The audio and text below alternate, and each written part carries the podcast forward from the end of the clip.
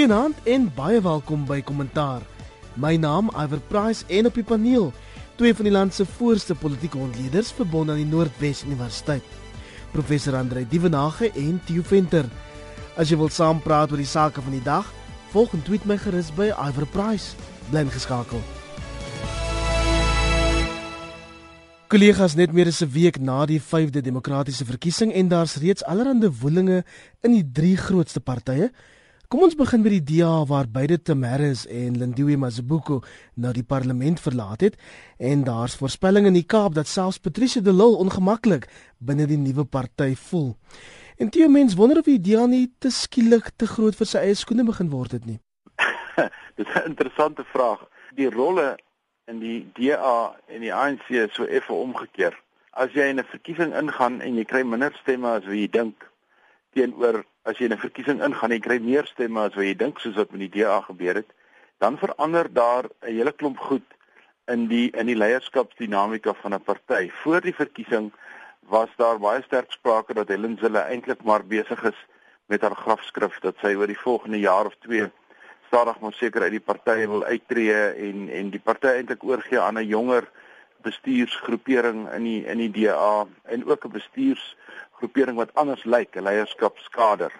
En nou lyk dit vir ons asof met die oorwinning wat die DA behaal het en alles dui daarop dat hulle in die volgende verkiesing wat in 2016 gaan wees, die plaaslike regeringsverkiesing, hierdie proses ehm um, van steen ehm um, vir verhoging en steenverwerwing nog nog op 'n op 'n hoër vlak kan sit. Lyk dit nou skielik asof hulle hulle nie heeltemal so lus is om te gaan nie. So dit dink ek verander die hele ding en daar was al voor die verkiesing baie sterk sprake dat Helen Zille se stryd en se se se se hele leierskapstyl in die party al hoe meer autokraties raak. Ek wil nie daarmee sê dat dit ondemokraties is nie, maar meer autokraties. Nou dit is natuurlik vir ons in die politieke wetenskappe nie 'n nuwe ding nie.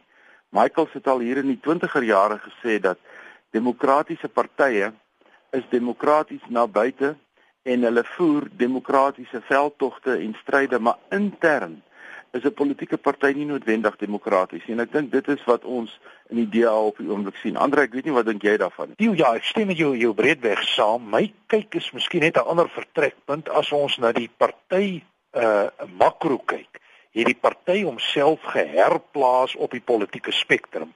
Hy het hom vir my sterker uit te kom ons noem dit liberaal demokratiese oriëntasie na 'n sosiaal demokratiese oriëntasie geplaas met 'n baie sterk fokus op die swart middelklas. En skielik is hier nuwe groeperinge binne die DA. Ons dink aan die swart caucus wat baie prominent begin figureer en dan was daar ook 'n aantal insidente in die aanloop tot die verkiesing wat ek dink um, Lindiwe Masibuko baie direk geraak het. Daar was vrae oor haar vermoë om as 'n parlementêre leier suksesvol te funksioneer en ek dink al hierdie goed speel hulle nou maar uit op hierdie stadium in die postverkiesingsomgewing. Ek twyfel baie sterk of Helen Zille gaan aangaan na die volgende uh verkiesing in die DA die leierskap verkiesing. So ek dink daar is 'n voorbereiding aan die gang om nuwe leierskap te definieer en dit gaan maar noodwendig saam met bepaalde magstryde. Maar ek stem ook met jou saam dat Helen Zille waarskynlik voor die verkiesing gevoel het haar politieke lewe is korter en dat sy nou effens van 'n tweede asem geskep het hmm. gegee die feit dat die party beter presteer het. So ek dink hierdie besluit wat die DA in 'n dinamika ja. Ja, ek dink die besluit wat die DA moet neem oor hulle leierskap lê so 2 jaar vorentoe. So daar is 'n tydjie vir hulle om hierdie goeders uit te sorteer. Wie voorspel jy Theo gaan die parlementêre leier word? Ja, alles dui vir my daarop dat Musi Maimane die gesalfde kandidaat is. Uh of dit noodwendig die beste is nadat hulle soveel tyd en energie spandeer het in die opleiding van uh, Lindiwe Mazibuko, maar sy het nou haar uittrede aangekondig.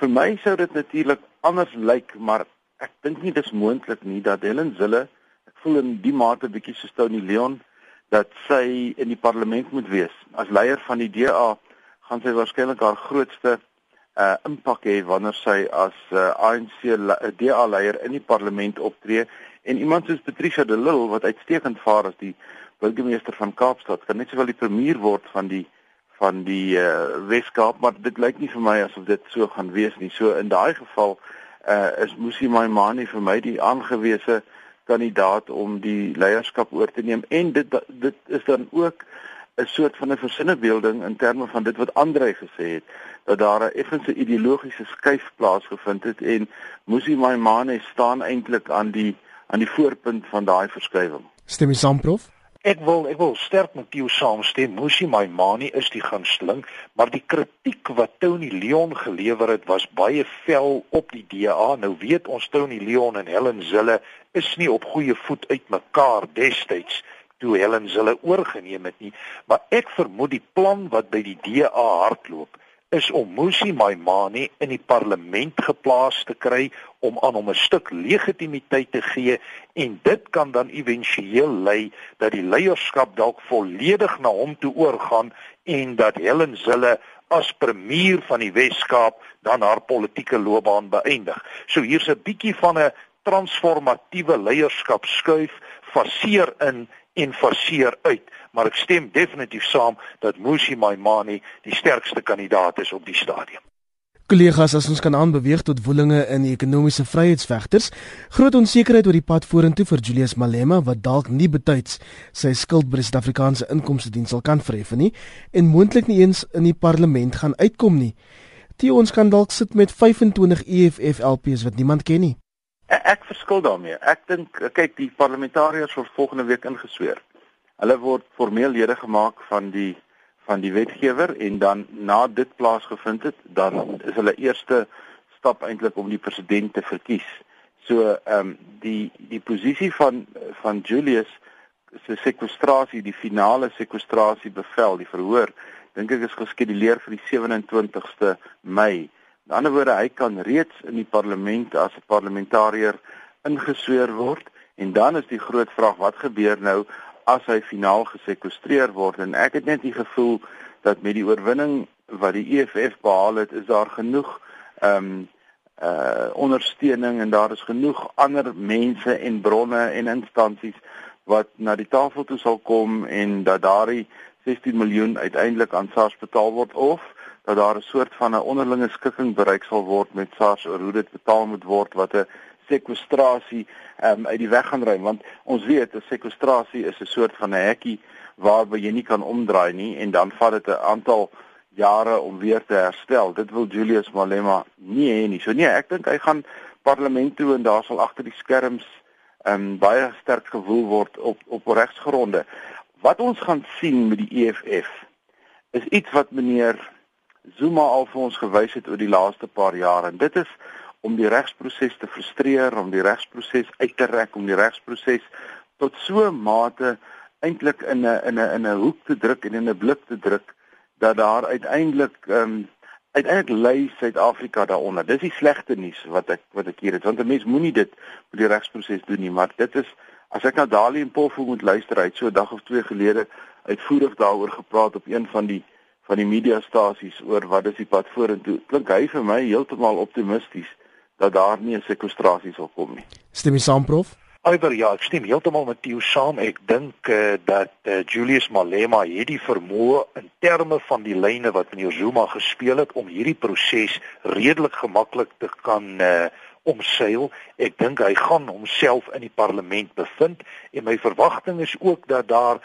vir hom iewerster ondersteuning gaan kom uit die buiteomgewing. Daar het natuurlik tydens die verkiesing baie sterk gerugte geloop dat eh uh, die EFF baie direk belyn is met ZANU PF en ook ondersteuning uit daai oort uit ontvang. So daar is bronne wat hom definitief gaan steun en ek dink ook nie die sekwestrasie is die finale doods uh, uh die spyker in sy doodskus nie. So in daai sin dink ek hy gaan in die parlement wees. Ek verwag dat hy 'n nuwe dinamika gaan bring in die parlementêre konteks en dat hy ook die debatte op bepaalde punte gaan fokus. So ek sien vir hom 'n rol op die stadium. Ek moet sê uit ander oorde het ek ook inligting ontvang dat die saak wat teen hom tot stand gebring is nie so sterk is nie en dat dit nie so maklik gewen kan word in die hof nie. Ons praat dus hier van ten minste langtermyn of langer termyn hofsaake. In daai sin het hy beslis nog tyd. Dis nogal jammer dat Lindiwe Mazibuko nie in die parlement gaan wees nie want ons kon nogal uitsien na robuuste debat met Julius Malema ook. Ek stem met Andre saam. Hy gaan die spel in die parlement definitief beïnvloed en, en dit gaan nie net alleen wees in robuuste debatte nie, maar ook simboliese optrede um uitstap uit die parlement en daar aankom met hulle rooi uniforms. Um dis al klare uitdaging vir hoe die die parlement homself sien in terme van kleredragreëls en die decorum van die parlement, maar ek dink hulle gaan daar omkom. Um as 'n mens um dit in aanmerking neem dat die parlement se kleredragreëls jou toelaat om ook tradisioneel aan te trek, nie net uh, das en baadjie die normale formele aard nie. Dit het uh, goed gevestig geraak oor die laaste 20 jaar uh, uh ek weet wat hulle verbied is uh partytetiese um soort van simbole en simboliek in die parlement maar daar is daar is baie maniere om daar om te kom ek ek voorsien dat hulle dat hulle werklik uitdagings gaan bied aan die konvensies in die parlement En dan die grootste skok van die week is die leier van Agang, Mampele Rampele wat besluit het sy gaan nie parlement toe nie. Wel ja, ek moet eerlik sê ek dink van die begin af het 'n gang uitdagings gehad en Mampele Rampele het die politieke proses heeltemal verkeerd gelees. Ek bly van mening dat as hy destyds die ooreenkoms met Helen Zille aangegaan het en die politieke huwelik het aangegaan, sou sy waarskynlik vandag heeltemal in 'n ander posisie gewees het. Maar daar het sy haar eie politieke doodskrif geteken en ek dink nie daar is vir haar werklik 'n politieke toekoms nie. Ek dink ook wat sy verwag van die politiek en wat sy op die oomblik daaruit kan kry is baie minder. So ek dink dat sy die lyn gaan loop en dat sy waarskynlik iewers in die groter omgewing gaan verdwyn. Ek verwag nie dat sy 'n politieke faktor van impak vorentoe gaan wees nie. Maar is nog 'n klap in die gesig van die paar duisend mense wat wel vir haar gestem het om 'n week na die verkiesing dan te sê, "Oké, okay, ek het nie meer hiervoor lus nie." Tio?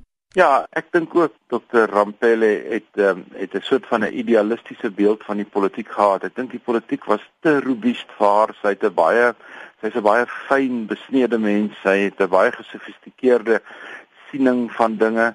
Die haar volgelinge natuurlik eh, het in daai spoor gevolg amper asof sy 'n uh, 'n nuwe roete in die politiek inslaan. In Suid-Afrika se politieke proses is so gefestig en die die rolspelers is so so gevestig dat dit van die begin af 'n baie groot risiko was.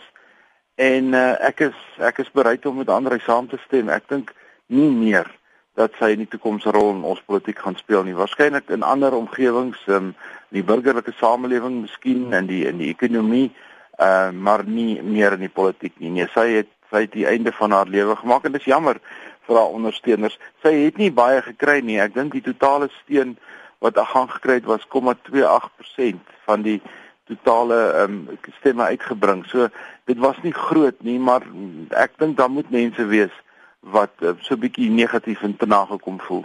Ek het nogal gelag vir die dialeier Helen Zille se uitlating by die OFK se uitslagsentrum in Pretoria waar sy gesê het ek het vir Rampili die wêreld aangebied.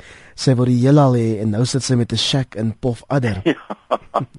nee, daai daar het die DA ook 'n paar ehm um, bloedneushoue gekry en ek dink die DA kon selfs hier nader na die 23% toe beweeg het in in die in die algemene verkiesing as daai huwelik nie so dramaties skeef geloop het nie. So ehm um, ek dink albei albei die dames het geleer, maar nou sê iemand tipies Suid-Afrika, twee vrouens in 'n kombuis werk nie. Vir die daarop kommentaar liewer prof. Wel ja, ek dink eh uh, dat eh uh, Mampela Rampele is basies op die kantlyn geplaas. Ek moet ook sê die hele lyn van die ontwikkeling van haar politiek na die breek met die DA het haar wat my aanbetref uit die politiek uitgehaal. Ek het gehoor van gesprekke en ek was ook betrokke by tye waar sy opgetree het. Sy het werklik nie baie diepliggende politieke denke gehad nie. Dit was vir my asof daar 'n gebrek in haar groter politieke oriëntasie en politieke oordeel was, maar ek dink dit is ook so dat iewerster sou daar vroeër of later 'n konflik gekom het tussen uh, Mompela Rompele en Helen Zille. Ek dink Theo is heeltemal reg. Helen Zille het die neiging om baie sterk autokraties te wees en ons weet dat die mate van autokrasie tydens 'n verkiesingsperiode toeneem, so dit was 'n resep vir konflik en haar 52350 stemme is waarskynlik gemors in die politieke proses, maar dit is baie keer maar hoe die politiek homself uitspeel. Kollegas ook die ANC het net gewag tot die verkiesing verby is om sy kaart op die tafel te sit. Ministers in die veiligheidsgroepering gaan advokaat Tuli Madonsela se Nkandla verslag deur die hof laat hersien. Die ministers voer aan dat die OB se verslag meng in by nasionale veiligheid wat net deur die parlement en die uitvoerende gesag gedoen mag word. Jou reaksie daarop toe? Ek was soos baie koerantopskrifte eh, verras deur die optrede, um, vir 'n uh, negatief verras. Wat vir my sleg is, is dit is vir my 'n voortsetting van die gees wat geheers het voor die verkiesing. Ehm um, een ek so het opgemerk dat dit lyk amper asof die ministers in die sekuriteitsgroepering heraansoek doen vir hulle poste. Jy weet dit klink amper soos Machiavelli wat 'n boek geskryf het net om aansoek te doen vir 'n pos destyds as raadgewer vir die prins. Ehm um, ek is ek is baie negatief hieroor. Ek dink nie dit het enigsins 'n kans om te werk nie en ek dink dis 'n vertragingstegniek en die belangrikste is dit plaas die ehm um, openbare beskermer se kantoor onder geweldige groot druk. Haar begroting word bepaal deur die parlement want sy is aan die parlement aanspreeklik. Sy's 'n artikel 9 instelling. En 'n hofsaak soos hierdie, al het hierdie hofsaak geen kans om positief te wees ten opsigte van die veiligheidsgroepering nie, trek haar aandag af. Dit be, dit beperk haar fondse, dit beperk haar personeel. Dit maak die werk van die openbare beskermer des te moeiliker. En dit is vir my die negatiewe van hierdie hele hofsaak. En dan die heel laaste ding is Jy sal onthou net so 'n week of twee voor die verkiesing moes die parlement 'n uh, uh, die verslag ter tafel geneem het. Hulle het redes gekry om dit nie te doen nie. Die die vyfde parlement moet dit in alle waarskynlikheid nou doen en my verwagting is dat wanneer die DA gaan vra, kom ons gaan aan met hierdie lees van hierdie verslag en die hantering daarvan, gaan die ANC nou sê nee wag, die saak is sub judice want hy is nou by 'n hoër regshof eers verdere uitstel, verdere nie hantering van die Nkandla verslag. Dis vir my 'n negatiewe ontwikkeling. Alhoewel ek het ek het geen twyfel dat Tieu heeltemal reg is nie. Uh hier is 'n direkte poging om die legitimiteit van die openbare beskermer te ondermyn, om vertragingstaktieke te volg en om eintlik te kyk hoe kan Zuma en sy belangegroep beskerm word dat hulle nie verantwoording moet doen aan veral die parlement nie, maar later ook miskien in terme van die regbank en terme ook van uh uh, meer uh, kriminele tipe sake. Nou as jy net kyk die pad wat die saak geloop het. Toe die verslag begin verskyn, is daar onmiddellik gesê maar hier is ander verslae ook, die spesiale ondersoekeenheid, daar was ook verklaringe van die sekuriteitsgroepering wat onmiddellik die legitimiteit van die verslag bevraagteken het. Toe se komitee op 'n wyse saamgestel en toe hy net pas met sy werksaamhede moet begin, toe word daar gesê sy tyd uh, die tyd is nie reg nie. Dit moet oorgedra word na die volgende parlement en die volgende administrasie. Nou staan ons op hierdie punt. Nou word die driedelingsleer, die trias politika eintlik aangewend in 'n negatiewe sin om meneer Zuma te beskerm. As jy mooi gaan kyk, die OB is 'n aanstelling vanuit die parlement wat aan die parlement verantwoording moet doen en om die proses nou reeds 'n regsproses te maak is eintlik 'n vorm van vertraging. Dit ondermyn die gesag van die openbare beskermer en dit gaan eintlik maar daaroor om Zuma se belange te beskerm want op hierdie oomblik is hy in 'n moeilike fase. Hy moet weer deur die parlement aangewys word as president, daar bestaan ten minste 'n teoretiese moontlikheid dat hy in 'n staat van beskuldiging kan kom en die lyn wat die ANC hier hardloop is om veiligheidsoorwegings aan te bied om eintlik maar te kan gaan en meneer Zuma se belang te beskerm.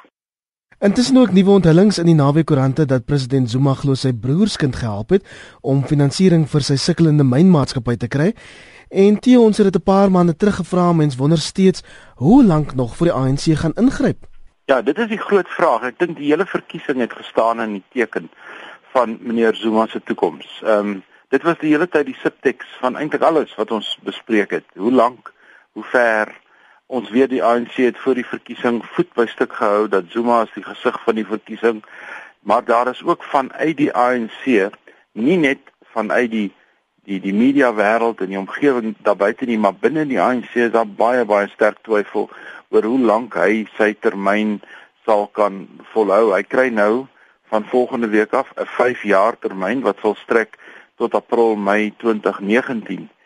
Ek het ek is van mening dat meneer Zuma in die lig ook van dit wat jy gevra het, ehm um, nie langer as 'n jaar of 2 president gaan bly nie. Die volgende groot uitdaging vir die ANC is die plaaslike verkiesings van 2016. En ehm um, hulle gaan voor daai tyd 'n besluit moet neem ten opsigte van hulle nasionale leierskap. En nou nou nou word dit natuurlik baie meer kompleks want daar is twee of drie persone wat baie sterk na vore beweeg. Daar is die adjunkt president van die ANC Cyril Ramaphosa wat op hierdie stadium lyk na 'n onwillige ehm um, lid om oor te neem by Zuma. Ek dink hy's takties van oortuiging dat dit is nie die regte tyd nie. Dan is daar 'n baie sterk noem dit 'n Zulu groepering binne die ANC, 'n Zulu faksie.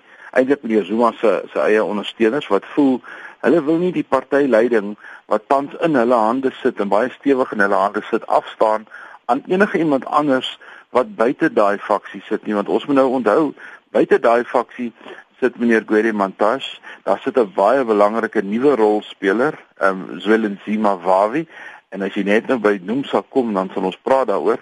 En daar is 'n klomp mense wat sê nou maar hier moet 'n verandering in die ANC kom. So hierdie proses gaan binne die ANC afgespeel word baie sterker as buite die ANC dit wat ons in die koerante lees dis die beskuldigings wat ons sien en die goed. Dit skep 'n klimaat waar die uiteindelike besluit gaan die ANC self moet neem en dit ek het die idee dat ons 'n soort van 'n herroeping, 'n recall praat hulle van, soos wat ons met meneer Mbeki gesien het, eers in die volgende jaar of twee gaan sien. Nie onmiddellik na die verkiesing nie, maar maar oor 'n tyd. En my vraag gaan wees wanneer is die regte tyd? Ek sou sit en wag dat die ANC wetgewing in die parlement voorstel en dit is dat 'n uitgaande president of 'n uittredende president moet 'n algemene vrywaring kry. En as daai wetgewing kom en dit word aanvaar, dan weet ons dis eintlik die uittreepad van meneer Zuma en dit plaas ons in redelike goeie geselskap. Die Amerikaners het dit, die Franse weet ek het dit, die Italianers het dit. Daar's 'n klomp lande in die wêreld wat hierdie soort algemene amnestie aan 'n president gee wanneer hy uittreed. Dis alwaarvoor meneer Zuma wag. Dit klink soos Monopoly met 'n get out of jail card, prof. Ja, dis reg. Iwer, weet jy, ek stem heeltemal met jou saam. Uh die daar's groot druk op die stadium op meneer Zuma en die druk kom uit verskillende oorde. Ons dink nou maar net aan die Seriti kommissie wat nou weer die wapenskandaalsaak aan die orde stel, die uh getuienis wat gelewer is deur uh Peer Steyn Uh, dit is sake wat groter druk plaas. Ons dink aan die spionasiebande, die hele Kandla verhaal. So daar's ongetwyfeld groot druk op meneer Zuma en sy uurglas is besig om uh, leeg te loop. Nou ek wil nou nie so sterk soos Max de Pre sê dit gaan binne die volgende 6 maande wees nie. Ek het ook die gevoel dat dit hier nader lê aan die aanloop tot die 2016 plaaslike verkiesings en dat meneer Zuma op 'n stadium uit die politieke proses gedefinieer moet word. Ek dink dit gaan noodwendig gebeur. Die uh, posisie van die ANC is in die algemeen op die oomblik baie vloeibaar. Ek stem met jou saam, daar's 'n klomp interne dinamikas binne die ANC wat homself moet uitspeel. Dit is so dat die Zulu groepering baie sterk probeer om die magsbasis te behou. Die naam van Nkosazana Dlamini Zuma duik in daai konteks telkens op maar ek bly oortuig dat meneer Cyril Ramaphosa met sy tipe styl en aanslag nooit heeltemal buite die opvolgdebat staan nie. Ek verwag dat hy iewerster takties gesproke 'n toetrede gaan maak en dat hy hom waarskynlik reeds begin te plaas in 'n omgewing waar hy 'n groot klomp kragte binne die ANC bymekaar kan hou. Maar ek dink hier lê 'n baie interessante jaar, miskien maksimum 2 jaar vir die ANC voor en dit staan in die teken van die uittrede van meneer Zuma en die aanwysing van 'n opvolger. Andre, ek is ek is ook um, baie positief dat dat Cyril Ramaphosa vroeër moet kom eerder as later want saam met Cyril Ramaphosa is daar 'n verbintenis aan die nasionale ontwikkelingsplan wat eintlik die ANC se noem dit politieke oplossing vir Suid-Afrika is, ekonomiese oplossing vir Suid-Afrika is, maar volgende ANC uh, eh, nasionale kongres is in 20 Desember 2017 en, en dit is my indruk dat hy nie voor dan regtig sy hand wil wys nie dat hy liewer wil wag dat die ANC op 'n formele manier hom aanwys as president en dan van daar af twee volle termyne dien en dat hy heeltemal inskikkelik is vir iemand om 'n soort van 'n Motlanthe 'n rol te speel tot dan toe. Julle sal onthou Motlanthe was in 'n sekere sin president vol, vol volledig maar almal het ook geweet dis net 'n tydelike aanstelling. Dit lyk my ons is weer op pad na so 'n soort scenario toe. As jy dalk laatmens ingeskakel het, jy luister na 'n kommentaar op RSG. My gaste vanaand professor Andre Dievenage en Theo Venter, beide verbonde aan die Noordwes Universiteit. Kollegas, die krisis in die ANC Kusatu Alliansie is voorlopig afgeweer en ons weet mos dis danksy die ingryping van Cyril Ramaphosa wat tans die adjunk president van die ANC is, maar die verkiesing is verby. En prof mens wonder hoe hierdie ding nou gaan uitspeel. Dit moet eendag van die tyd weer begin begin optel. Wel, my verstaan was dat die ingryping van uh, Cyril Ramaphosa en Jesse Duarte kort voor die verkiesing het eintlik gepaard gegaan met 'n bepaalde ooreenkoms wat Benzwelenzima Wawi gesluit is. En volgens van die gerugte wat ek gehoor het en is bloot net gerugte, is dat hy 'n baie senior posaanstelling aangebied is in die volgende Zuma administrasie. Maar nou het ek ook weer gerugte opgetel dat hy op 'n manier op die kantlyn geskuif is. So daar's 'n bietjie konflikterende sienings op die stadium. Maar ek dink die groter dinamika wat homself uitspeel is op die oomblik na die linkerkant van die spektrum. Ons het in die week gehoor dat Nomsa nou formeel aangekondig het, hulle gaan 'n party stig wat hulle voorlopig die United Front gaan noem. Ek dink hier is 'n baie groot politieke dinamika links van sentrum ter voorbereiding van 'n werkersparty en dit sal baie interessant wees hoe meneer Zwelenzima Wawi hom gaan posisioneer aan die een kant met 'n bepaalde in aanhalingstekens verbintenis na die Zuma kant toe, maar na die ander kant toe wat gaan word van die Nomsas, die Urban Gyms en so meer en waar gaan daai dinamika hom polities laat? Want ek is van mening dat die dinamika links van sentrum en die EFF is baie sentraal daar gedefinieer. MKO staan daar baie sentraal kan 'n baie groot politieke dinamika word en dit kan die ANC vorentoe baie benadeel en meneer Zwelenzima Wawi is sentraal binne daai omgewing geplaas op die stadium. Andre, ek dink jy's reg.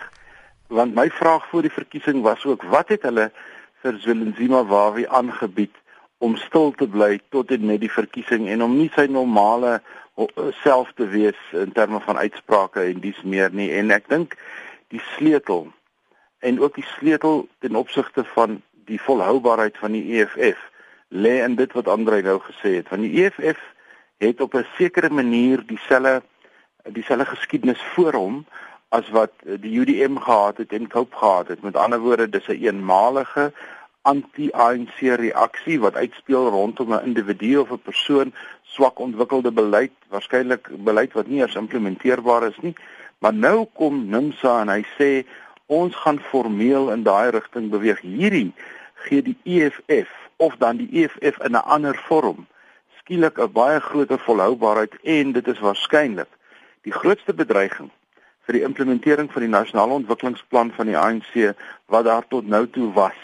Want hierdie groepering wil van daardie um sentrum politiek sentrum ekonomiese neoliberaal ekonomiese watter ideologiese beskrywing jy ook al aan die ontwikkelingsplan wil gee dis die grootste bedreiging vir daai plan is die konsolidering van 'n politieke groepering links aan die linkerkant van die ANC.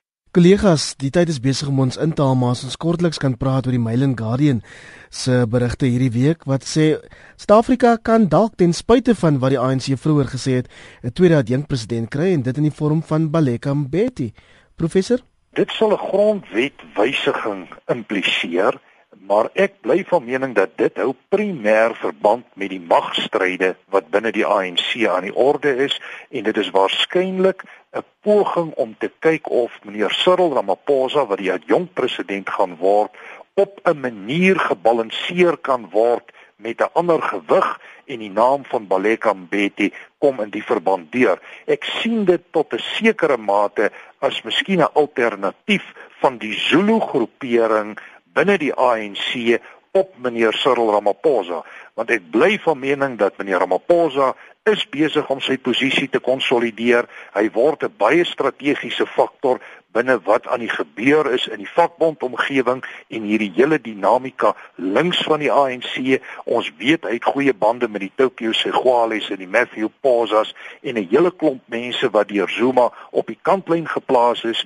So ek sien dit as 'n strukturele skuif om eintlik bepaalde balanse te bring in die regering. En as dit so is dat meneer Ramaphosa wel die portefeuilles gaan kry van monitering aan die een kant en die implementering van die beplanningskommissie daai tipe lyne dan gaan dit hom de facto amper in 'n eerste minister posisie plaas en ek dink dit is presies waar hy wil wees en die balans moet geplaas word dan op 'n ander punt en dit is waar die tweede adjunkt president ter sprake kom Maar nou is die vraag Andre, hy kan dit eintlik nie doen wanneer hy die kabinet waarskynlik volgende week aankondig nie. Hy sal waarskynlik en, en dis maar 'n raaiskoot aan my kant Baleke Mbete aanwys as adjunkt president in die eerste ronde en dan 'n aanduiding gee dat wanneer wanneer daar grondwetwysigings plaasgevind het uh 'n tweede um, adjunkt president aangewys kan word die die druk waaronder meneer Zuma verkeer ook ten opsigte van die agt provinsies om 'n balans tussen mans en vrouens te kry soos wat die ANC graag doen. Die het ook nou die presidentskap bereik en Baleka Mbete druk baie hard. Sy's 'n baie ambisieuse vrou en uh, hulle het 'n baie groot probleem om haar 'n senior genoeg posisie in kabinet te gee. So ek het 'n idee met die met die eerste aankondiging sal sy die adjunkt president wees. Dit mag dan waarskynlik 'n gevoel vir meneer Ramaphosa gee van déjà vu want dit is min of meer waar hy was destyds in die 90er jare en ek moet sê dit spreek 'n bietjie teen die konvensie van die ANC om eintlik hulle adjunkt president ook redelik hoog geplaas te kry. Matteo, jy's heeltemal reg, hier is 'n stel faktore, hier moet 'n klomp balanseer toertjies uitgevoer word en ek weet op die stadium nie hoe uh meneer Zuma daai balanseer toertjies gaan doen in terme van belangegroepe, in terme van die gender eis, in terme van kapasiteit en so meer nie. So jy mag reg wees dat hy daai lyn gaan loop. Ek is net bereid om te sê daar mag ook ander lyne wees wat hy kan speel in die verband. Ja. Is daar ander skommelinge in die kabinet wat jy wil voorspel? Mense van wie Zuma gaan ontslaa raak?